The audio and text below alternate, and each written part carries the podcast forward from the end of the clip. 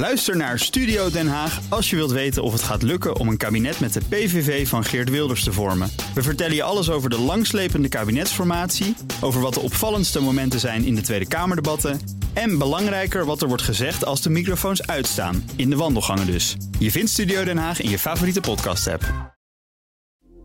Dit is een BNR podcast. Wetenschap vandaag.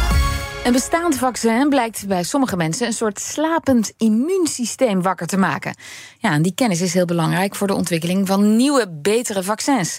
Wetenschapsredacteur Carlijn Meinders, ja, jij weet er veel meer over. Zeker. Uh, gaan we meteen even naar internist-infectioloog van het Radboud UMC, Mihai Netea. Hij vertelt waarom er eigenlijk nog steeds veel onderzoek gedaan wordt naar vaccins die al een tijd in gebruik zijn. Eigenlijk toen de vaccins werden ontwikkeld 100 jaar geleden, sommige de eerste vaccins.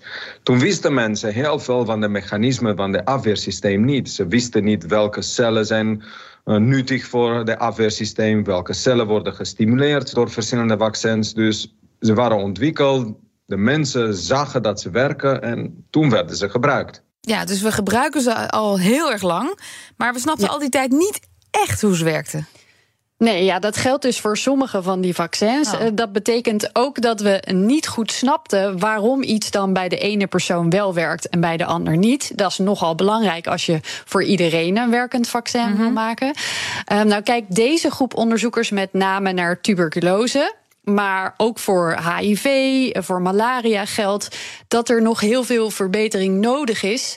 Uh, want terwijl uh, ze, zeg ik, de onderzoekers, voor sommige infectieziektes, zoals COVID bijvoorbeeld, heel snel een goed genoeg werkend vaccin hebben kunnen maken, lukt dat voor sommige infectieziektes lang niet zo goed, of zelfs helemaal nog niet. En hoe zijn ze dan bij zo'n bestaand vaccin uitgekomen?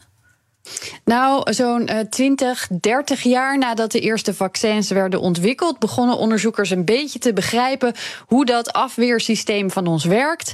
Als je bijvoorbeeld kijkt naar de witte bloedcellen, heel belangrijk voor het immuunsysteem, dan zijn er eigenlijk twee typen. Eén heet lymfocyten en de andere heet myeloïde cellen. Maakt niet zoveel uit. Maar mensen hebben vrij snel ontdekt dat eigenlijk vaccins stimuleren heel goed de lymfocyten. En die zijn verantwoordelijk voor grotendeels van de, van de bescherming die gegeven wordt tegen veel infecties. Dus als we denken aan een vaccin tegen COVID of uh, uh, influenza, dus uh, griep, die werken allemaal in feite door activatie van deze cellen, lymfocyten.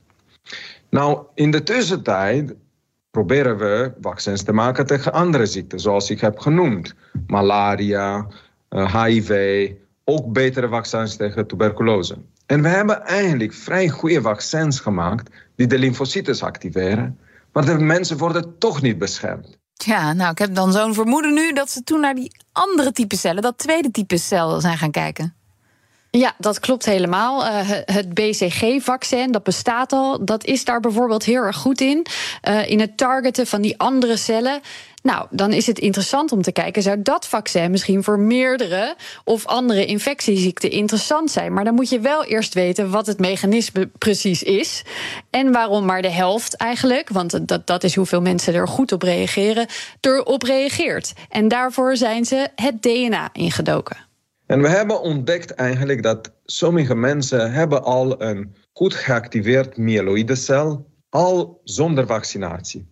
En er zijn andere mensen waar deze myeloïde cellen een beetje slapend zijn, laat maar zo zeggen. Ze, ze reageren niet zo goed, omdat de, de architectuur van, van de DNA in hun cellen is een beetje opgesloten. Die, die zit op slot, laat maar zo zeggen. En BCG kan dit deur openmaken.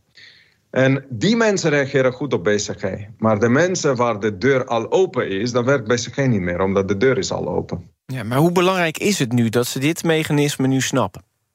Ja, ik zou zeggen heel belangrijk. Eh, ze weten nu wat er nodig is om goed op zo'n soort vaccin te reageren. Welke deurtjes er eigenlijk opengezet moeten worden. Nou, dat kan helpen bij het ontwikkelen van nieuwe vaccins. Uh, van stofjes die die deurtjes open kunnen zetten, bij wijze van spreken. Uh, ze weten ook voor wie werkt specifiek dat BCG-vaccin. En bij wie hoef je dat niet eens te proberen, omdat je eigenlijk al vooraf kan zien dat het niet gaat helpen. En ze kunnen zien wie krijgt er bijwerkingen en waarom. En ook dat uh, kun je meenemen bij het maken van betere vaccins dan we nu hebben. Want die bijwerkingen zijn uh, vaak um, niet heel gevaarlijk, maar mm. wel heel vervelend. En stel je wilt een heleboel mensen een nieuw vaccin geven, wil je niet dat iedereen drie dagen thuis moet blijven. Nee. Heeft ook weer economische gevolgen. Dus kijken naar die bijwerkingen is ook heel erg interessant. Ja, en deze onderzoekers kijken specifiek naar tuberculose. Nou, klinkt ja. voor ons toch echt als een ziekte uit het verleden, maar dat is kennelijk dus heel hard nodig. Ja, uh, Netea vertelde dat er nog bijna 3 miljoen mensen uh, sterven hier aan per jaar. Dat ja, is echt flink. Ja. ja. En in sommige ontwikkelde uh, landen neemt het aantal mensen dat het krijgt zelfs toe. Dus dat is zeker nodig. Maar hetzelfde geldt eigenlijk voor HIV en malaria. Daar uh, werken weer andere teams aan eigenlijk. Maar ook voor die onderzoeken uh, is deze ontdekking gewoon heel erg belangrijk. Dankjewel, Carlijn Meinders. Ook Harm Edens vind je in de BNR-app. Je kunt BNR Duurzaam niet alleen live luisteren in de app, maar ook terugluisteren als podcast, zoals al onze podcasts. En naast dat de BNR-app Breaking News meldt, houden we je ook op de hoogte van het laatste zakelijke nieuws. Download nu de gratis BNR-app en blijf scherp.